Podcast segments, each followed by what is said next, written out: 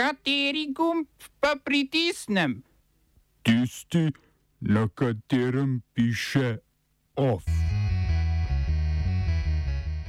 Na predsedniških volitvah v Nikaragvi ponovno slavje Daniela Ortege.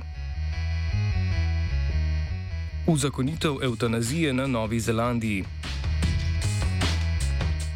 Nekdani direktor energetike Ljubljana Andrej Ribič bo krivdno razrešitev izpodbijal na sodišču.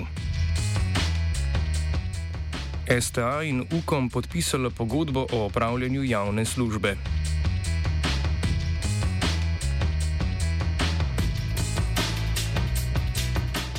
V Nikaragvi je na predsedniških volitvah ponovno zanesljivo slavil Daniel Ortega, ki si bo s tem zagotovil še že četrti zaporedni petletni mandat na čelu države. Po delnih rezultatih tamkajšnje volilne komisije si je Ortega ob 65-odstotni udeležbi zagotovil 75-odstotno podporo ljudstva. Ortega, nekdanji sandinistični gverilec, je Nikaragvi prvič vladal v 80-ih letih prejšnjega stoletja po zmagi sandinistične nacionalne osvobodilne fronte v državljanski vojni. Med letoma 1990 in 2006 so sandinisti preživeli v opoziciji, potem pa je Ortega ponovno prevzel predsedniški položaj, ki ga odtlej ni zapustil. V tem času si je prislužil kritike zaradi nasilnega zatiranja opozicije in podrejanja državnih institucij.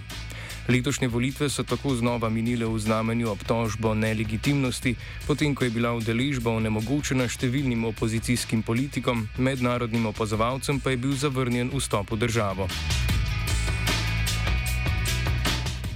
V nedeljo je bila z dronom napadena rezidenca iraškega predsednika vlade Mustafe Al-Kadimija.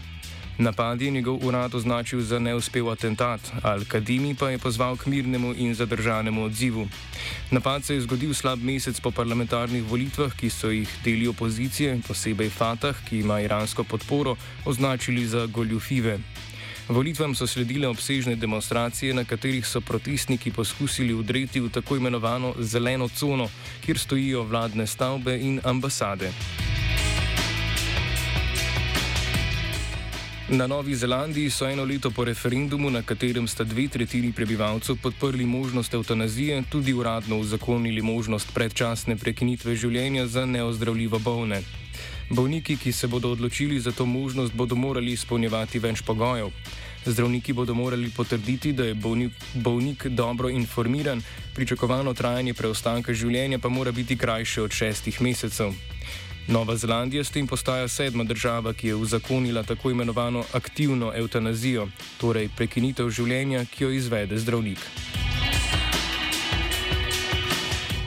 Srpski član predsedstva Bosne in Hercegovine Milorad Dodik se je v Sloveniji sestal z Janezom Janšo. Kot poroča srpska novinarska agencija Tanjuk, je Dodik z Janšo govoril o, citiramo, zavezanosti Republike Srpske k ohranitvi Dejtonskega sporazuma in vrnitvi pristojnosti, ki so v skladu s sporazumom in ustavo Bosne in Hercegovine. Konec citata. Dodik je v zadnjem času tarča ostrih kritik zaradi namere, da bi Republika Srpska zapustila skupne državne institucije, kot so vojska in pravosodni organi, in ustanovila svoje. Stanje v državi je kot alarmantno ocenil tudi visoki predstavnik mednarodne skupnosti za Bosno in Hercegovino Kristjan Schmidt. Dodik brško ne prav zato v tem obdobju aktivno išče diplomatske vezi v Evropi. Dan pred srečanjem z Janšo se je namreč sestal z mađarskim premijejem Viktorjem Orbanom. Oba, če, če bom odgovoril na angliški. Slovenija will try to help. We can Slovenija will and we will do our utmost To say that the situation is, our problem ourselves. and uh, We will make further steps as soon as the conditions are bomo vlado Marjana Cererja, Mira, Marjana Cererja Šarca podprli. uh, very, very serious. we know how and we will. V petek razrešeni dir direktor energetike Ljubljana Andrej Ribiš je v izjavi za javnost povedal, da bo odločitev o razrešitvi izpodbijal na sodišču. Ribič je bil krivdno razrešen, a meni, da je bila odločitev povsem politična. Po njegovih besedah se je s političnimi pritiski soočal od pomladi dalje, končno pa je bil razrešen, potem ko ni sprejel dogovora o predčasni razrešitvi, ki naj bi mu jo na sestanku v poslanskih prostorih stranke SDS ponujal generalni sekretar stranke Borut Dolanc. Dolgo časa se je ta razrešitev napovedala. Jaz sem pripričan, da je bila to popolnoma politična razrešitev. To dokazuje dejstvo, da sem bil 18. oktobra povabljen v parlament. Povabil me je uh, sekretar stranke SDE, SDS uh, v prostore stranke v parlamentu, kjer mi je ponudil uh, dogovor o uh, predčasni, predčasni razrešitvi za mesta uh, predsednika uprave.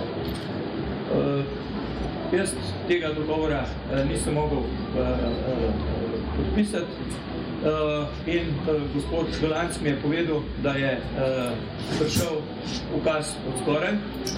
Pripričan sem, da je tukaj uh, v zadnji uh, zatem minister Vrtovec, kajti, če se spomnite, pred nekaj tedni v Krasniku na otvoritvi uh, sončne elektrarne je dejal, da se bodo morali stari direktori posloviti. Več o ribičevih obtožbah in umešavanju politike v energetiko pa v offsajdu ob 17. Vršilec dožnosti direktorja Slovenske tiskovne agencije Igor Kadunc in direktor urada vlade za komuniciranje Uroš Urbanija sta vendarle podpisala pod pogodbo za opravljanje javne službe agencije. STA bo tako prišla do sredstev, potem ko je, javnost, ko je javnost službo skoraj leto dni opravljala brez plačila za njo, zaradi česar so se bili primorani zanašati na donacijske kampanje in prodajo treh terjatov. Vlada oziroma UKOM je krivdo za neuspeh pri sklenitvi pogodbe valil na nekdanjega direktorja agencije Bojana Veselinoviča, česar Uroš Urbanija ni pozabil povedati niti na današnji tiskovni konferenci. S podpisom pogodbe se je uredilo financiranje za celotno leto 2021, je pojasnil Urbanija. S podpisom pogodbe so pravzaprav urejena eh, tudi, eh, tudi financiranje za celotno letošnje leto, saj je eh, količina sredstev v pogodbi opredeljena v višini 2 milijona 28 tisoč, toliko, kolikor predvideva tudi poslovni načrt Slovenske tiskovne agencije za leto 2021. Ustavno sodišče je na upravni seji za novega predsednika izvolilo Mateja Ačeta. Ačeto bo nasledil dosedanjega predsednika Rajka Kniza, ki je funkcijo opravljal zakonsko predvidena tri leta. Tajno glasovanje je bojkotiral ustavni sodnik Klemen Jaklič, ki je svojo odločitev pojasnil v javno objavljenem pismu. Jaklič meni, da je Ačetov naprej dogovorjeni kandidat večine, po njegovem prepričanju pa delovanje sodišča vodi v smer, ki potrjuje besede svojih kritikov. Po Jankličevem mnenju so kritike utemeljene, določene odločitve in dejanja sodišča v zadnjem času pa bi lahko razumeli tudi kot institucionalno zlorabo prava.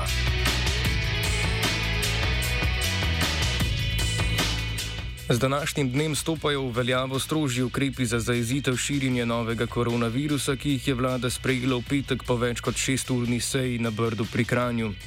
Med ukrepe spadata znižanje starostne meje, pri kateri je potrebno izpolnjevanje pogoja PCT in sicer na 12 let, in omejitev obratovalnega časa gostinskih lokalov z 22 uro, poleg tega pa bo spet prepovedano obratovanje nočnih klubov.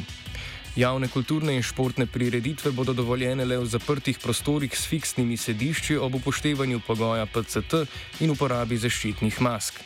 V zonalnih prostorih pa ponovem velja prepoved zbiranja zunaj družinskega kroga.